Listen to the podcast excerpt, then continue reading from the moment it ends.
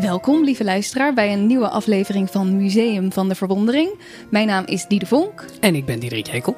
En wij staan hier vandaag in een hele speciale omgeving. Een plek waar eigenlijk niemand mag komen. We spreken hier weer vandaag conservator kunst Terry van Truten over de geweldige tekeningen die hier liggen, waaronder een paar echte Michelangelo's.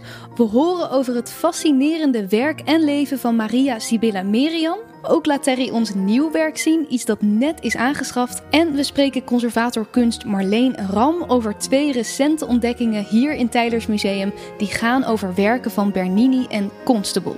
En gastheren Wim en Frank komen weer even langs. Maar Diederik, Waar zijn we precies? Dit is het depot. Hier, dit is eigenlijk een beetje de backstage kant van het museum.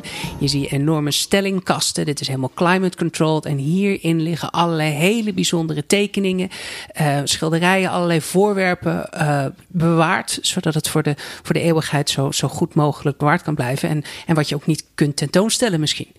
En waarom kan je het niet tentoonstellen? Nou, je, je, moet sowieso natuurlijk keuzes maken op het moment dat je uh, iets neer bedoelt. Er is een eindigheid aan de, aan de grootte van het gebouw. Ja, want uh, ik dacht dat, ik, dat een depot een beetje soort inderdaad... Ja, de, deze stukken waren net niet mooi genoeg om op te hangen of zo. Maar dat is het dus niet alleen. Nee, het is echt een keuze van het verhaal dat je wil vertellen als museum. En daarbij, uh, op het moment dat een stuk ergens ligt, dat is belangrijk. Dat de mensen het kunnen zien, dat ze ervan kunnen genieten. Dat ze doorhebben wat voor kunst is en wat voor mooie dingen er allemaal zijn.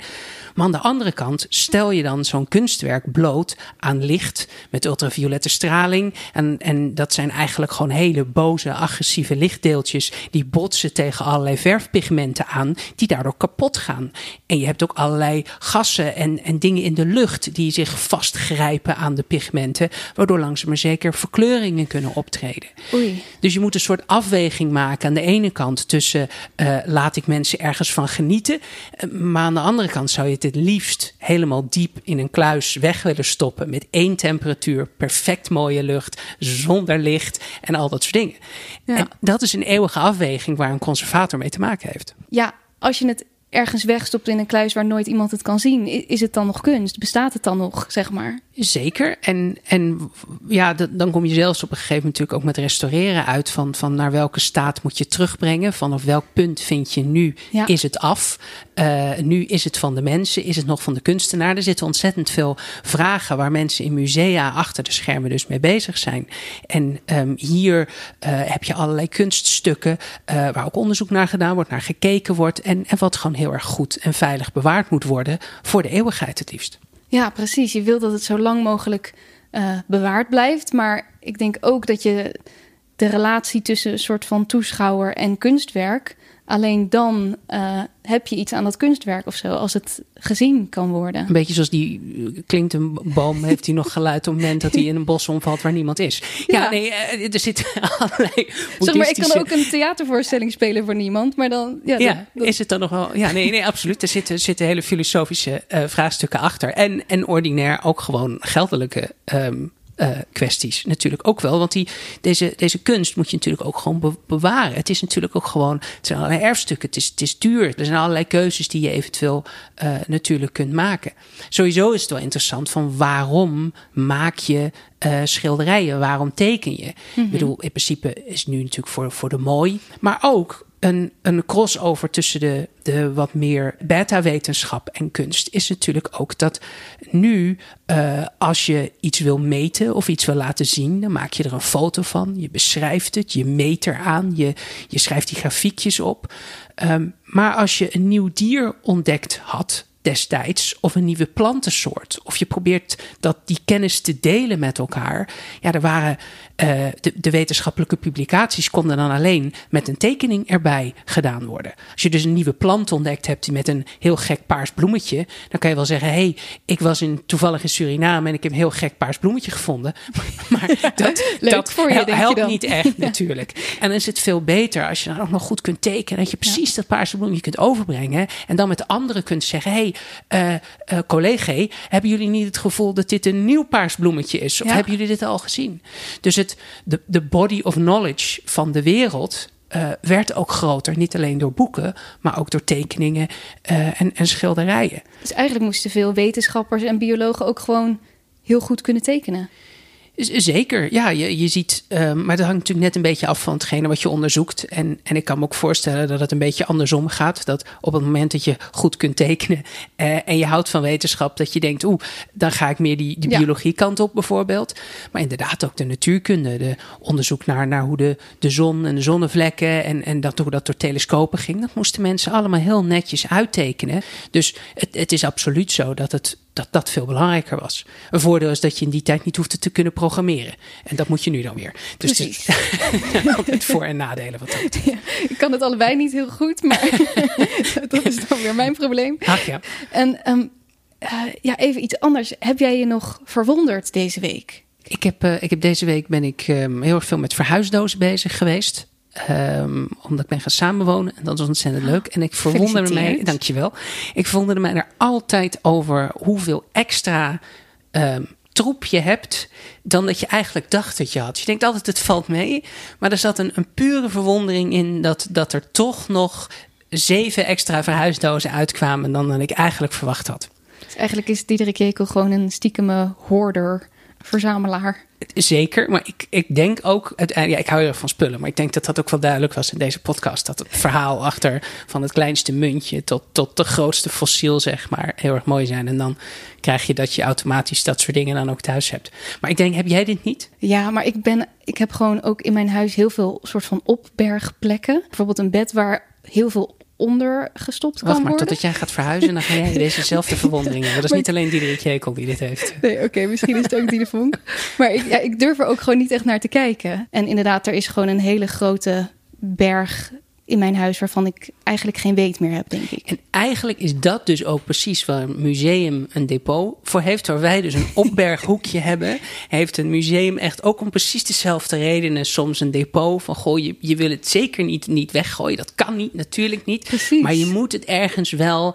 Dus, dus heel veel mensen hebben in hun keuken dat ene kastje waar alles in ligt. Van de fidget spinner tot, tot die oude sleutel waarvan je niet meer exact weet waar het voor is. nou, dat ligt hier ook, maar perfect gecategoriseerd. En, en heel erg mooi opgeruimd, afgestoft, climate controlled. ehm, keukenkastjes dit. Ik ben heel benieuwd eh, wat Terry vindt van de vergelijking fidget spinner en eh, originele Michelangelo's. We gaan het zien, we gaan het zien.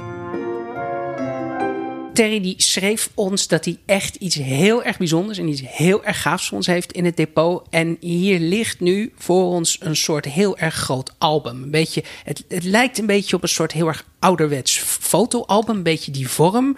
En het is ongeveer, eh, wat zal het zijn, 40 centimeter breed en, en 60, 70 centimeter hoog. Dus het is echt wel groot. Het is, het is behoorlijk dik, een centimeter of, of acht.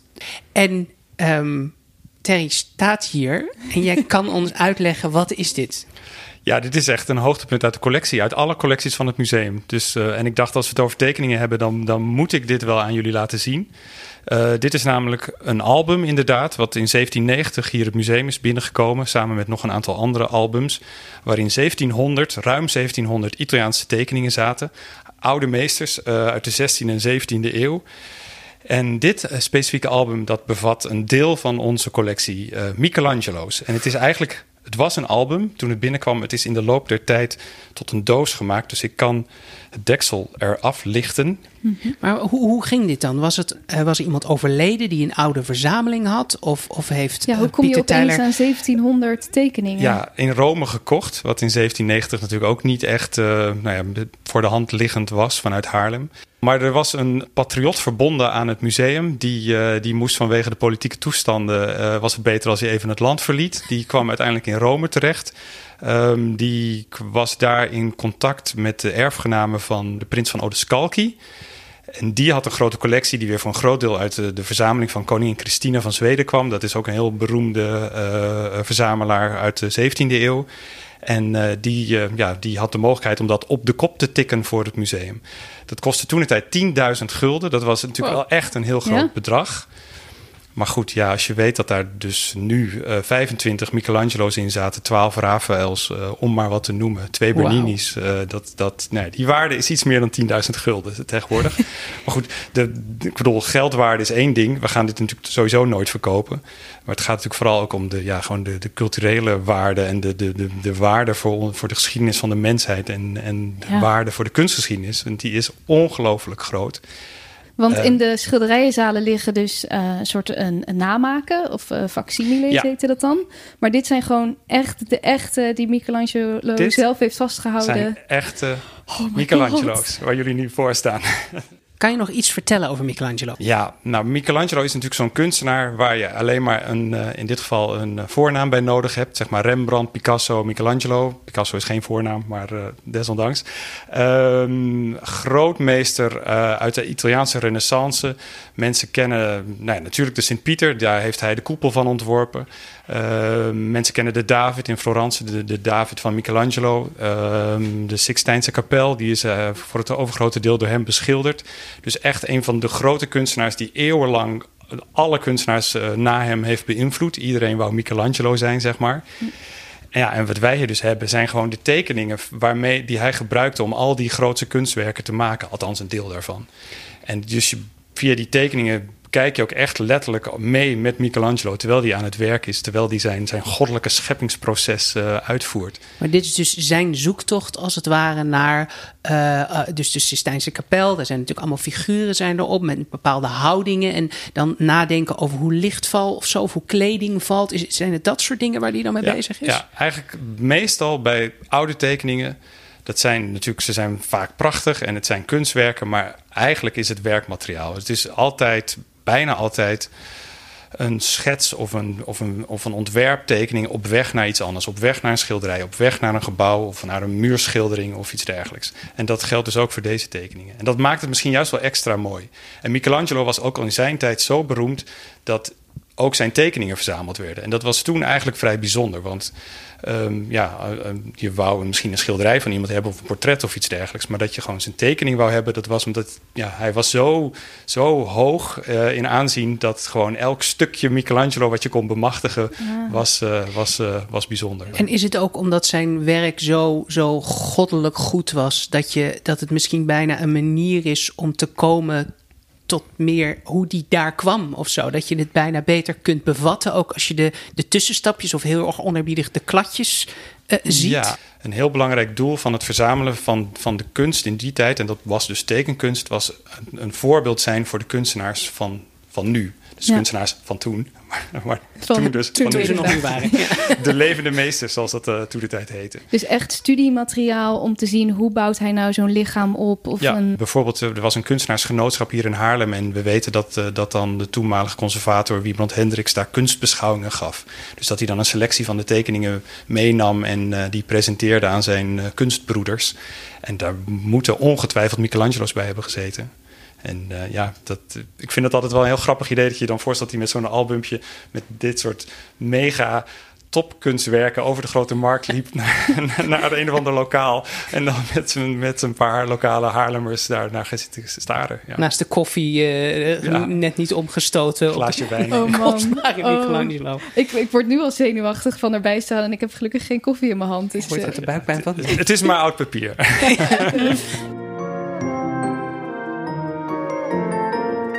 Ja, we hebben hier gewoon een fantastische mooie tekening uh, liggen. Het is echt een werktekening die Michelangelo gebruikte voor het plafond van de Sixtijnse kapel in Rome. Dus je ziet een, een, een, een soort zittende man op de rug gezien, enorm gespierd, in rood krijt. En het gaat heel erg om licht-donker contrast. En uh, als je dit figuur meeneemt naar Rome en in de Sixtijnse kapel gaat staan en naar het plafond kijkt, dan vind je gewoon exact deze man in deze pose daar terug op het plafond.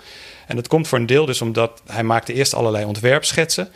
Uh, vervolgens voor dat hele totaal, die hele puzzel van, van lichamen en verhalen, die, die, die, die maakte hij op papier in elkaar. Toen werd er dus een, ja, was er een, een grote steiger in dat enorme kerkgebouw daar. En klom die naar boven, die steiger op. En met dit dit blad in zijn hand heeft hij daar de stukken van dat fresco wat daar tegen het plafond zit ingevuld. Dus dit is echt zijn, zijn, wow. ja, zijn, zijn bouwtekening als het ware voor het begrijpen en wat hij aan het doen was terwijl hij daar boven zijn hoofd uh, aan het schilderen was. En het is ongeveer, nou het zal zijn 20 centimeter breed, 30 centimeter hoog. A4'tje. Je ziet de, de linkerkant van die zittende man aan, zeg maar. Zijn hoofd is, is helemaal niet af. Dit ging dus echt puur om de schaduwwerking. Het is toch ongelooflijk zijn... Blijkt als die er vanaf spat gewoon. Ja, het is echt, echt fenomenaal goed gedaan. Het zit altijd een enorme kracht in Michelangelo's tekeningen. Ik weet ook uit ervaring dat als je hierna, als ik hierna Rembrandt of, of, of weet ik veel, een andere grote meester laat zien, dat het toch altijd een beetje, een beetje minder is dan Michelangelo. Oh.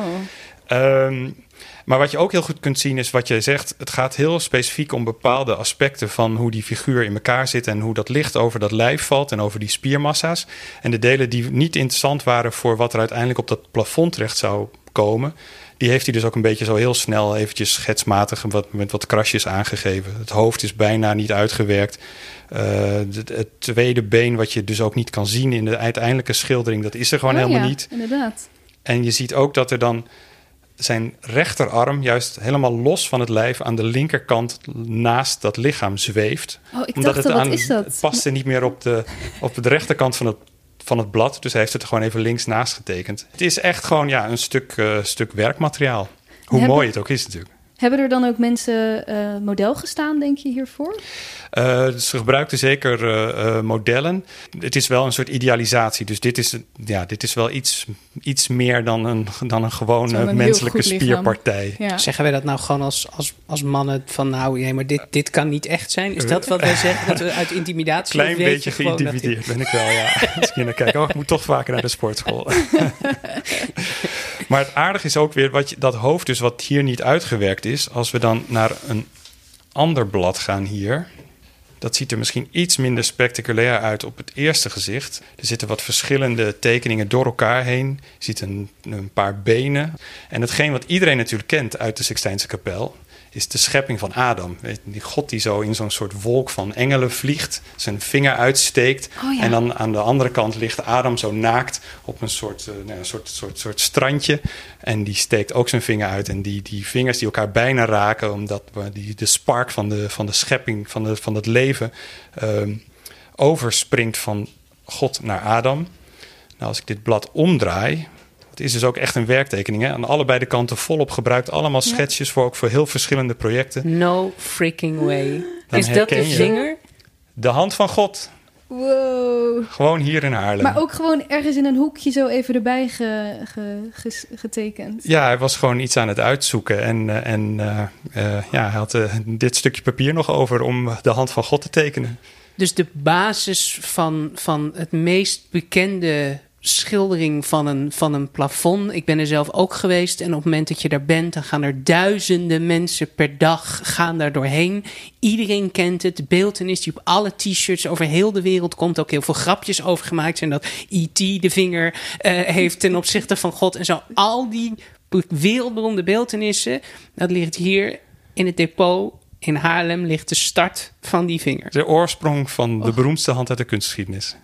Gewoon hier, nu, recht voor jullie ogen. Holy. Ik ben echt een beetje starstruck. Ja, het mooiste is natuurlijk dat je echt, je bent gewoon heel erg dicht bij die kunstenaar. Een schilderij is natuurlijk prachtig, maar er zit altijd net iets meer afstand. Een beeldhou- beeldhouwwerk of een video of weet ik veel. Een tekening is, is, is het, ja, het, het mooiste medium, als je het mij vraagt. Hier zie je gewoon een, een mens aan het werk. Ja, En die Sistijnse ja. kapel, dat is inderdaad los van dat dat letterlijk natuurlijk een afstand is, is dat zo overweldigend Ja. dat je bijna zou vergeten dat dat één man daar gewoon. Ja, het wordt bijna zweet- goddelijk inderdaad. Ja. Maar nu zie je van dat is gewoon door hard werk en studie ja opgebouwd. heel, heel hard werken. Ja. En heel veel talent. Jawel, hij kon het wel. Hij kon het wel. Jawel. Ja. En je zei net ook al, eh, tekeningen vind je misschien nog wel mooier dan schilderijen. Hier in Tylers Museum is een enorme collectie aan tekeningen. ja. Waarom is het zo bijzonder? Waarom, waarom is Tylers, of, eh, Pieter Tyler begonnen met al die tekeningen verzamelen?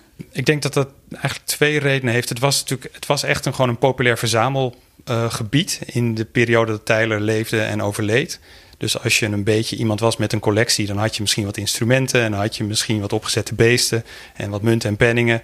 En dan had je ook een verzameling tekeningen. En dan kon je s'avonds, als er dan wat vrienden op bezoek kwamen bij een goed glas wijn, bladerde je door je tekeningenalbum. Dus het is eh, ergens ook gewoon een voortzetting daarvan, denk ik. Maar het heeft ook een heel praktisch doel, omdat die tekening echt, ja, alles begint met een tekening. En als je iets wil maken, dan zul je toch eerst moeten tekenen. Eigenlijk nog steeds denk ik vandaag de dag dat de meeste producten, uitvindingen uh, die er gedaan worden, toch starten met een tekeningetje ergens. Misschien op de computer nu, of misschien op de achterkant van een envelop. Maar het begint met even een soort van je gedachten uh, weergeven.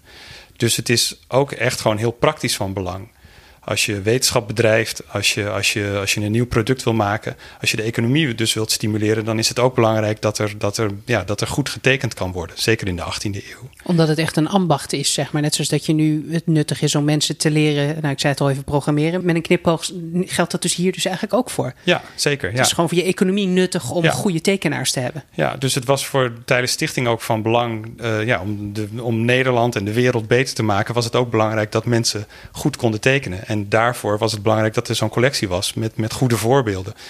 En dat is natuurlijk sowieso zo, denk ik. Dat die de, ja, de lessen die je kunt leren uit de kunst, dan als, het, als je het wat breder trekt, als het gaat over verbeelding en verwondering en ja, doorvoelen wat het betekent om een mens te zijn in een leeg heelal of iets dergelijks, dan heb je dus die, die kunst nodig. En het fundament van de kunst is de tekening. Wim en Frank, uh, leuk dat jullie weer even kort in de podcast langs wilden komen. Um, wat is nou iets dat niet veel mensen weten van Tylers Museum, maar dat jullie wel het noemen even waard vinden? Dat wij een grote collectie moderne tekenkunsten hebben. En er worden ook nog steeds moderne tekeningen en prenten aangekocht. En waar kunnen die mensen die bekijken? Uh, nieuwe aanwinsten worden meestal in de uh, nieuwe gang vertoond. Nou ja, nieuw is er ook niet meer, die is ook al van 1996, maar vlakbij de expositiezaal. Mm -hmm. Daar is een vitrine met, met, uh, met, met munten en penningen. Daartegenover is een wand waar vaak de nieuwe aanwinsten een maand of twee of zo worden getoond. En verder is er ook moderne tekenkunst, papierkunst te zien in het prentenkabinet. Die, die prenten kunnen we volgens mij ook zien in de eerste of tweede schilderijenzaal, toch? Ja, da daar liggen mappen met, met ja. hele goede uh, hoe heet die dingen uh, ook weer? Uh... Facsimilés. Ja, want uh, facsimile nog even voor de, de, duidelijkheid, dat is dus een soort een, een kopie. Een, ja, een, een, kopie van hoge kwaliteit. Ja, precies. Ja, ja. heel hoge kwaliteit. Als, als je niet heel goed kijkt, of je bent er niet, bedoel, dan, dan zie je bijna niet dat het niet echt is. En ja. dat, dat, ja, om, we hebben een hele grote collectie uh, beroemde tekeningen mm -hmm. en printen. Dus we hebben 5, 26 Michelangelo's, we hebben de nodige Raphaëls, Quetzino's. Nou ja, ga maar even door. Bernini's. Bernini's. Twee, twee Bernini's sinds kort. Die worden in de zomer uh, tentoongesteld, als ik het goed heb. Ja, want mensen zien die tekeningen natuurlijk niet zo heel gauw... als je niet weet dat ze er zijn. Uh, nee, nou ja, het probleem met tekeningen, vooral tekeningen en prenten een beetje... is dat ze heel uh, gevoelig zijn voor, voor lichtinvloeden. Ja. Dus je kan ze niet gewoon continu tentoonstellen. Ja, of je moet in een hele duistere ruimte, maar zelfs dat is niet, uh, niet zo goed om te doen. Nee, maar we worden er wel regelmatig aan gevraagd. Het is bekend dat we 26 Michelangelo's uh, hebben. En uh, ja, en dat, dat, staat ook op onze site en zo. Maar zeker veel Amerikanen komen hier naartoe en die vragen... en Engelsen, waar hangen de Michelangelo's? En, nee, en... die zijn in het depot. En dat is in, op een gegeven moment de reden geweest om van die tekening en van heel veel andere uh, helemaal goede kopieën te maken en die dan mm -hmm. in mappen te doen. Ja. En eigenlijk wat er nu gebeurt, dat gebeurde in de 19e eeuw ook. In die zalen lagen mappen en die kon je dus pakken en dan kon je dus tekeningen op de hand bekijken. Nu met deze facsimiles doen we eigenlijk hetzelfde. En dat zijn facsimiles, dus ja, als er wat beschadigd wordt, dan maak je een nieuwe. Dankjewel Wim en Frank. Dan nu weer terug naar het gesprek.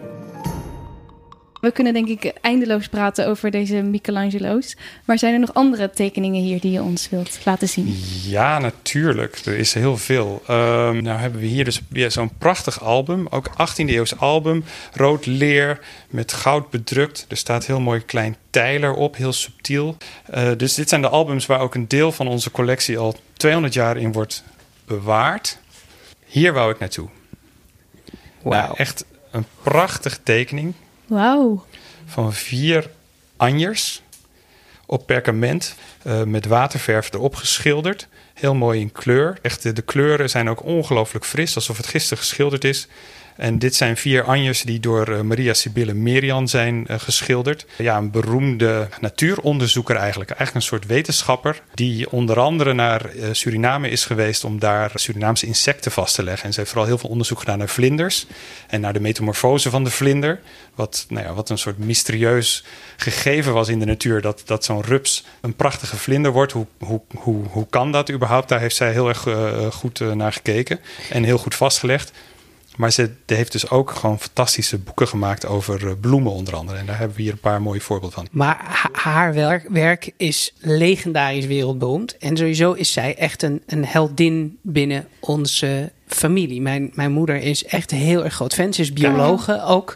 Maar er zit natuurlijk een verhaal achter van, van deze vrouw. Die is op een gegeven moment in haar eentje, of samen met haar dochter, geloof ik, is ze gewoon zelf op expeditie gegaan door Suriname om, om dit te tekenen. Het is niet alsof je nu eventjes zeg maar zo makkelijk een ticket naar Paramaribo.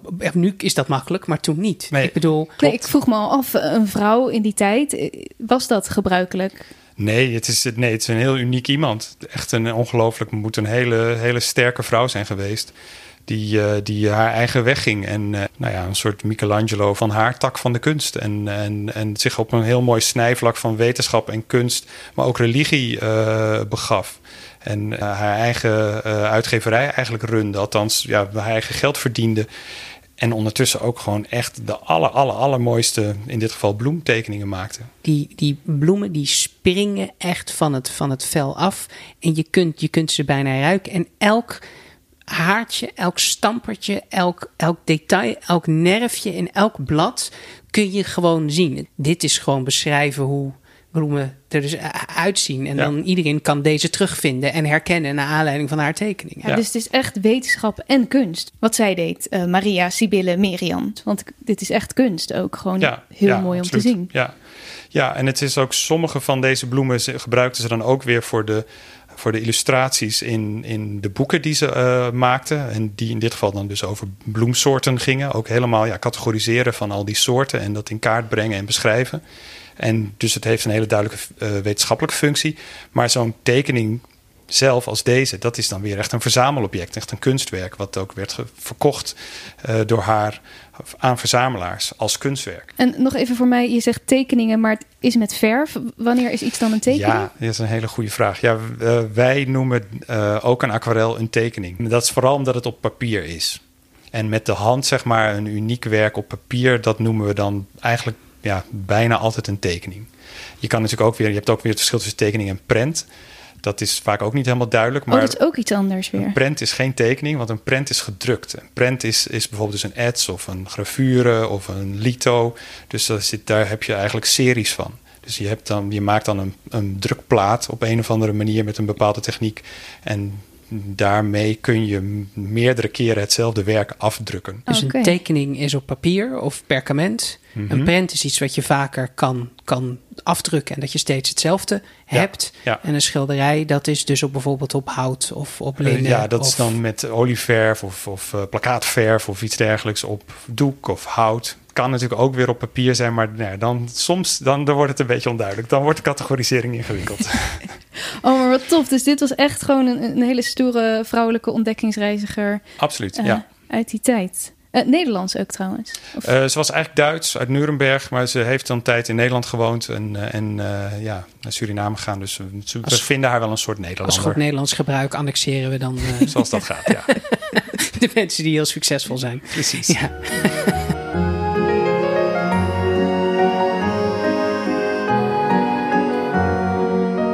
Wat heel veel mensen zich ook niet realiseren, is dat we dus ook nog steeds gewoon tot op de dag van vandaag levende meesters verzamelen. Dus deze collectie is, is heel oud en heel historisch. We hebben echt fantastische hoogtepunten uit de kunstgeschiedenis op allerlei manieren.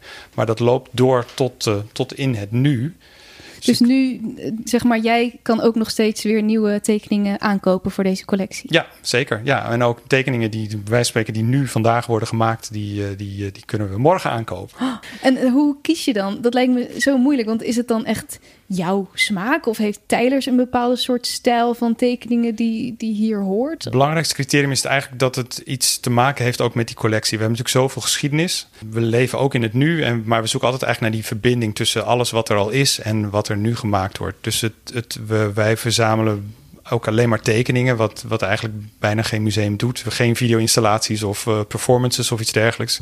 En, en ja, we, we zoeken eigenlijk altijd wel naar een soort referenties met de dingen die we al hebben. En dan uiteindelijk, het moet gewoon ook goed zijn. Dat is natuurlijk een heel vaag begrip, en, maar dat, dat, kwaliteit is een heel belangrijk criterium. Ik heb heel veel discussies gehad met, met mijn vriendin. Zij, zij weet heel veel van, van kunst en cultuurwetenschappen. En ik zelf ben echt een, een beta van huis uit. En zij probeert me de hele tijd uit te leggen dat je wel echt objectieve maatstaven hebt voor wat goed is. Maar dat is zoiets ongrijpbaars. Voor als je niet uit het wereldje komt, voelt dat ook soms best bijna een beetje afstandelijk. Alsof, alsof jullie een, een wereldje hebben wat dat betreft. En waarin ineens besloten wordt: dit ding wat we hier neerzetten, dit noemen we kunst. Kan je iets zeggen over wat het goed maakt of niet. Ik herken wel wat je zegt. Ik denk dat als je, als je het is een, ook een soort specialisme en als je je daarmee bezighoudt en veel kijkt en veel ziet, dat je dan op een gegeven moment herkent van ja, dit, hier zit een bepaalde kwaliteit in, een soort oorspronkelijkheid of een, of een doordachtheid of een goede, goed opgebouwd zijn, die het goed maakt en die het beter maakt dan heel veel andere dingen die er gebeuren.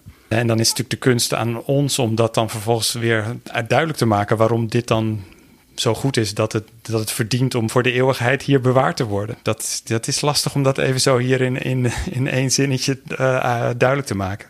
Maar het is ook wel geinig dat het een soort self-fulfilling prophecy bijna wordt. Dat op het moment dat je jouw voorganger gezegd heeft: dit is kunst, dan, dan is dat de facto al met hogere waarden dan de andere dingen. Zeker, ja. Het, het, een deel daarvan is ook zeg maar, de positie die het op een gegeven moment inneemt in de kunstwereld of in de maatschappij. En als, als een kunstenaar meer status krijgt, dan wordt hij dus ook interessanter voor ons om te verzamelen. Ook weer uiteindelijk uit een soort historie, omdat je het historische verhaal compleet wilt hebben, zeg maar. Dus het, is zeker waar, maar dat is ook cultuur uiteindelijk. Dat, dat soort van dat gesprek wat we met z'n allen hebben en de dingen die daar het meest boven komen drijven, dat, dat is wat wij belangrijk vinden en die weer het meest over ons ook zeggen. En dus ook het meest waard zijn om bewaard te worden. Het reflecteert ons als mens. Ja. Heb je een voorbeeld van iets wat je recent nog hebt aangekocht, waar we misschien dat ook een beetje in kunnen zien? Van dit heb ik hierom aangekocht. Ik heb hier misschien wel een mooi voorbeeld liggen van een heel recente aanwinst. Dit ligt hier nog een beetje te vlakken, zoals het heet, want het is opgerold door de, de galerist naar ons toegebracht. Dus het ligt onder een stuk karton. Een beetje beschermpapier, dat gaat er nu van af. En dan ligt hij niet op zijn kop, gelukkig. Uh, dit is een grote, redelijk grote tekening, 70 bij 100 centimeter ongeveer, denk ik van een kunstenaar die heet Hans Broek. Een schilder eigenlijk vooral, gemaakt hele grote schilderijen. En hij woonde een tijd lang in Los Angeles. We hebben ook wat tekeningen uit die tijd al in de collectie. En in Los Angeles werd hij geconfronteerd eigenlijk met het, ja, met het verschil tussen blank of wit en zwart. En, en met het racisme wat daar toch vrij uh, duidelijk in de samenleving zit. En raakte eigenlijk daardoor ook heel erg geïnteresseerd in, in hoe dat in Nederland zit. En is in, eigenlijk vooral in het Nederlandse slavernijverleden gedoken. En is op zoek gegaan naar allerlei plekken waar, uh, waar je dat aan de oppervlakte ziet komen. Kwam onderweg er ook achter dat een van zijn voorvaderen zelf ook daarbij betrokken was als lid van de admiraliteit. Nou ja, heeft uh, onder andere deze grote tekening gemaakt op het eiland uh, Goree voor de kust van Afrika. Van een slavenhuis waarvanuit mensen dus doorgevoerd werden naar Amerika. Je ziet een ja, grote, vrij donkere tekening. Met een, het, is een, het is vrij wild, een beetje gekrast als het ware. Het is een vrij zwaar en ik vind het zelf wel indrukwekkend blad. Als je dus weet dat wat daarboven zit zijn een soort, soort ja, raampartij waar de, de, de opzichter van het fort uh, in relatieve luxe leefde.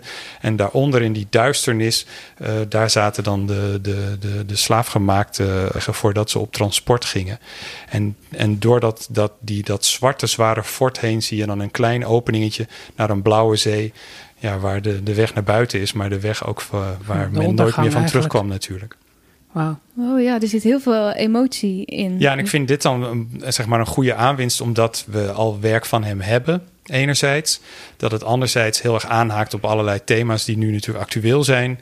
En ook gewoon een hele goede, sterke tekening is. En er zit een soort emotionele lading in de manier waarop hij dat op papier heeft gebracht. Ik vind vooral dat feit dat je zo door zo'n heel klein openingetje naar die blauwe zee kijkt. En je voorstelt wat dat eigenlijk betekent. Dus die, die verre.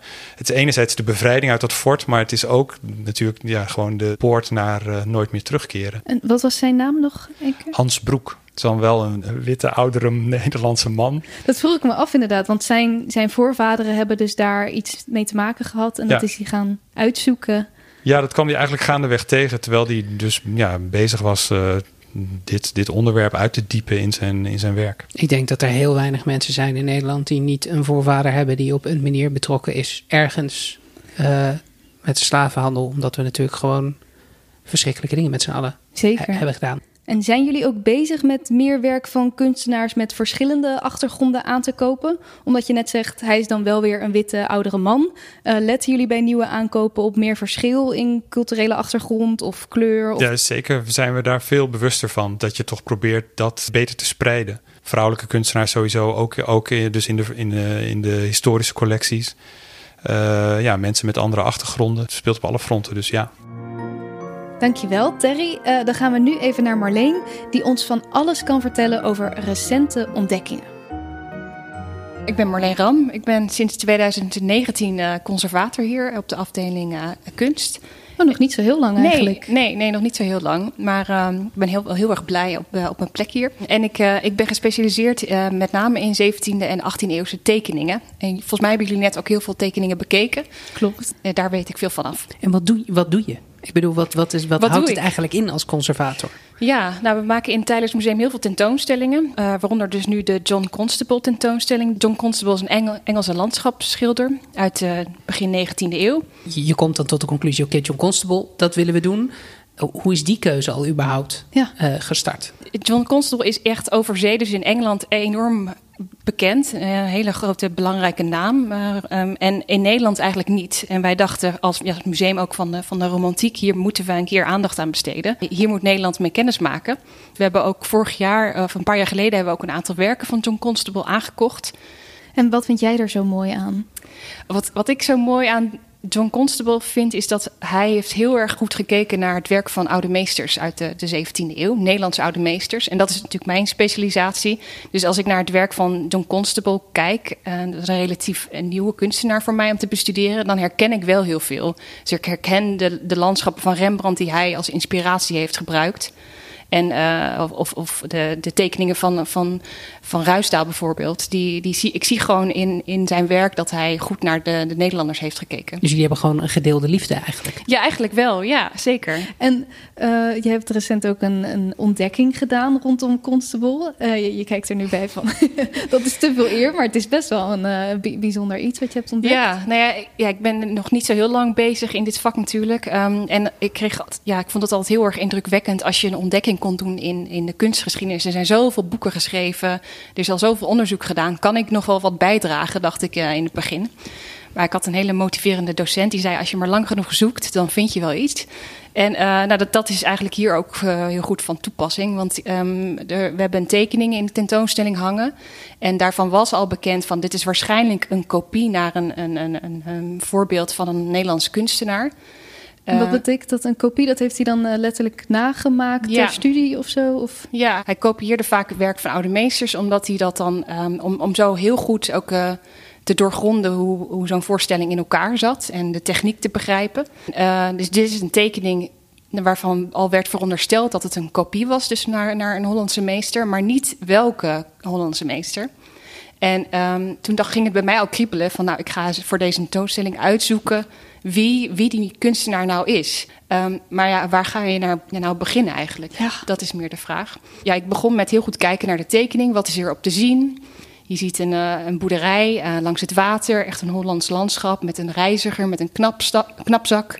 En in de verte dus een uh, gezicht op een stad. En dat deed me heel erg denken aan het werk van Jan van Gooien, aan de tekeningen van Jan van Gooien. Maar toch ook weer niet. Dus toen ging ik verder kijken naar het werk van Ruisdaal daar leek het ook niet op. En toen kwam ik uit bij Anthony Waterloo, ook een uh, 17e-eeuwse landschapskunstenaar. Uh, en toen ben ik gewoon al zijn prentwerk gaan bekijken. En waar, waar, ligt dat ook hier in Tylers Museum? Of waar vind je al die prenten? Nou ja, uh, we hebben een grote collectie Anthony Waterloo prenten in Tylers Museum. Die zijn gelukkig allemaal in een database opgenomen. Dus ik kon heel makkelijk kon ik, door alle plaatjes bladeren. En uh, nou, eigenlijk, ja, wat was het? Tien minuten zoeken, zag ik in één keer uh, uh, de prent die hij had gekopieerd. Nou ja, zo, zo makkelijk kan kunsthistorisch onderzoek eigenlijk zijn. Je dacht, ik, ben, ik ga hier maanden of jaren mee bezig zijn. En eigenlijk vrij gauw. Nou ja, ik had niet gehoopt, ik had niet gedacht dat ik zo snel iets zou vinden. En je geeft jezelf, nou, ik denk, nou, ik gaf mezelf een, een halve dag de tijd om, om dit op te zoeken. Want ja, je hebt natuurlijk heel veel andere dingen ook te doen als je een tentoonstelling maakt. Uh, je moet je dan afvragen, is het heel erg belangrijk dat ik nu uitzoek welk prent hier gekopieerd is? Maar in dit geval gebeurde dat uh, heel snel. Maar goed, ander kunsthistorisch onderzoek kan wel heel erg, kan jaren in beslag nemen. Bijvoorbeeld archiefonderzoek, dat, ja, dat doe je niet in een middag. En er is ook recent iets met uh, Bernini's ontdekt hier. Hoe zit dat precies? Ja, dat was niet mijn ontdekking, uh, helaas. Maar helaas. Dat, dat, wa dat, was natuurlijk ook, ook spectaculair. Een oud, oud collega van Tylers Museum die heeft jarenlang onderzoek gedaan naar de tekeningen, de Italiaanse tekeningen in Tylers Museum. waaronder ook dus een aantal werken van Bernini. Een van de belangrijkste kunstenaars uit de 17e eeuw in Italië, een, een barokke kunstenaar. Bekend van zijn beelden in de Villa Borghese. En hij was ook dus een heel, heel goed tekenaar. Alleen ja, het is natuurlijk soms lastig als er geen signatuur op een tekening staat van is dit wel echt door Bernini gemaakt. Dat gebeurt eigenlijk heel vaak met tekeningen. Meer bij schilderijen zie je wel vaak wel dat er een signatuur op staat. Maar bij tekeningen is dat wel het geval. Of andersom lijkt me dat je er ja. Rembrandt op zet, maar dat stiekem een leerling was. Dat uh, is ook heel vaak gebeurd. Ja, ja, ja. absoluut. Ja. Want hoe, dat lijkt me zo moeilijk. Hoe, hoe weet je dan echt zeker, dit is een Rembrandt of dit is een, een Bernini? Hoe, ja, ja, hoe, hoe kom je, je achter de hand van de meester in deze? Ja, dat is eigenlijk, je kan dat ja, bijna niet met 100% zekerheid bewijzen. Je was er niet bij toen het werk gemaakt uh, werd. Ja, dat, je moet gewoon verschillende bewijsstukken aandragen om, uh, om dat uh, te bewijzen. En in het geval van die Bernini's is er recentelijk archiefonderzoek opgedoken. En daarin kwam naar voren dat de tekening in een 17e-eeuwse inventaris was vermeld. Uh, dus echt beschreven van dit is een tekening van Bernini met Christus aan het kruis. En uh, die inventaris de behoorde uh, aan de kardinaal toe, wiens kunstcollectie uiteindelijk via een aantal omwegen in Tylers Museum is terechtgekomen. Dus dan heb je een heel mooi lijntje, wat eigenlijk heel, heel direct terugvoert naar, naar het begin. Ja, waaruit je kan concluderen dat dit waarschijnlijk wel die tekening is. Ik zelf, zelf als ik geld heb uitgegeven aan een schilderij en ik zou een catalogus maken, dan zou ik eerder toch ook voor de waarde van mijn eigen investering eerder zeggen: het is in echte, sowieso. Ja, ja. En niet, ik vermoed dat het misschien van een leerling is. Ja, absoluut. Ja, maar alleen dit, in dit geval was het ook zo dat hij, de eigenaar, dat is een kardinaal uh, Azzolino, die was een uh, kunstmecenas, een, uh, ook een beschermheer van Bernini. Ah. Die had dus echt contact ook met Bernini. Dus ik, ja, of in ieder geval degene die dit onderzoek heeft gedaan, gaat ervan uit dat dat toch wel echt een originele tekening moet zijn geweest. Maar het zijn toch eigenlijk altijd met dit soort dingen duizend puzzelstukjes die het hem doen. Wat, wat zijn nou dingen over technieken of, of literatuur? Waar kan je allemaal nou naar kijken ja.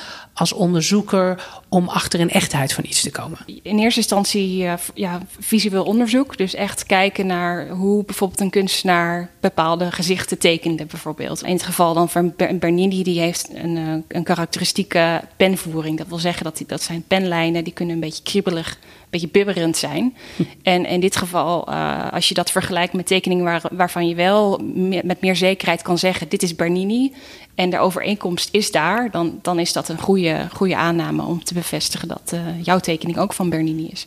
Als dezelfde bibberigheid, dan ja. herken je letterlijk in ja. dit geval de hand van de meester. Zo, ja. Of dus een leerling die heel erg geleerd heeft om zijn hand te laten bibberen. Zoals bijvoorbeeld, toch? Absoluut. Ik bedoel, ja, niet, dat ik ben ook... niet onderuit ja. te halen hoor. Ik ja. bedoel het helemaal niet cynisch, maar juist dat lijkt me de, de moeilijkheid om dat dan daarachter te komen. Nou ja, en dat is zeker nog moeilijk bijvoorbeeld in het geval van Rembrandt, die een grote studio had met veel leerlingen, die allemaal leerden tekenen zoals hij leerde tekenen. Daarin is het soms zo moeilijk om te onderscheiden wat is nou gemaakt door Rembrandt. Want in latere eeuwen is er dan ook vaak nog even een valse signatuur opgezet. Dus dan, dan, weet je, dan word je helemaal op het verkeerde spoor gebracht.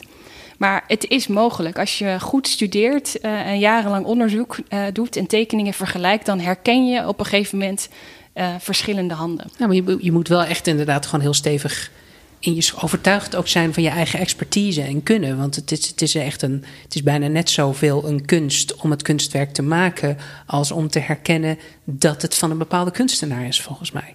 Het is zoveel dingen die bij elkaar moeten komen. En, en kennis en gevoel dat je er bijna bij hebt. Nou, gelukkig hoef je dat ook niet allemaal in je eentje te doen. Er zijn ook heel veel andere kunsthistorici die bezig zijn met, met dat onderwerp. Waar, ja, ik, ik hou er ook wel van om te overleggen. Als ik uh, twijfel over een toeschrijving, dan vraag ik ook andere specialisten om een mening. Het voelt ook ergens wel gek dat misschien is een werk, ja, dat blijft net zo prachtig. Maar als het dan opeens wel of niet van een Bernini is, dat het dan ja, veel belangrijker is of veel meer waard. Ja, nou, wat ik mooi vind aan, aan onderzoek is dat er nog een verhaal naar boven komt. Dus je hebt nog een verhaal wat je kan vertellen over een werk, hoe mooi een werk ook is. Uh, ik vind de verhalen erachter gewoon heel bijzonder. Dat, dat maakt uh, voor mij het onderzoek zo, uh, zo belangrijk. Echt ontdekken. Zeker, je bent echt een soort detective. Je gaat dan gewoon op zoek. En soms dan bijt je ergens in vast en dan krijg je helemaal niks. Maar als je dan wel weer iets vindt, dan is dat ja, heel erg waardevol. Zeker, heel waardevol. Dankjewel Marleen. Dank voor het luisteren naar deze aflevering van Museum van de Verwondering. We zijn heel benieuwd wat je ervan vond. Laat het zeker even weten via de socials van Tylers Museum. Als je het een leuke aflevering vond, dan vinden wij het natuurlijk fijn als je hem wilt delen met iemand. Ook kun je de podcast volgen in alle podcast-apps en een recensie achterlaten bij Apple. Dank ook aan Terry van Druten en Marleen Ram en tot de volgende aflevering, waar we alles horen over de wondere wereld van numismatiek, oftewel munten en penningen. Achter elk stuk in de enorme collectie van Tylers Museum schuilt een bijzonder verhaal. Deze verhalen hoor je volgende week. Tot dan!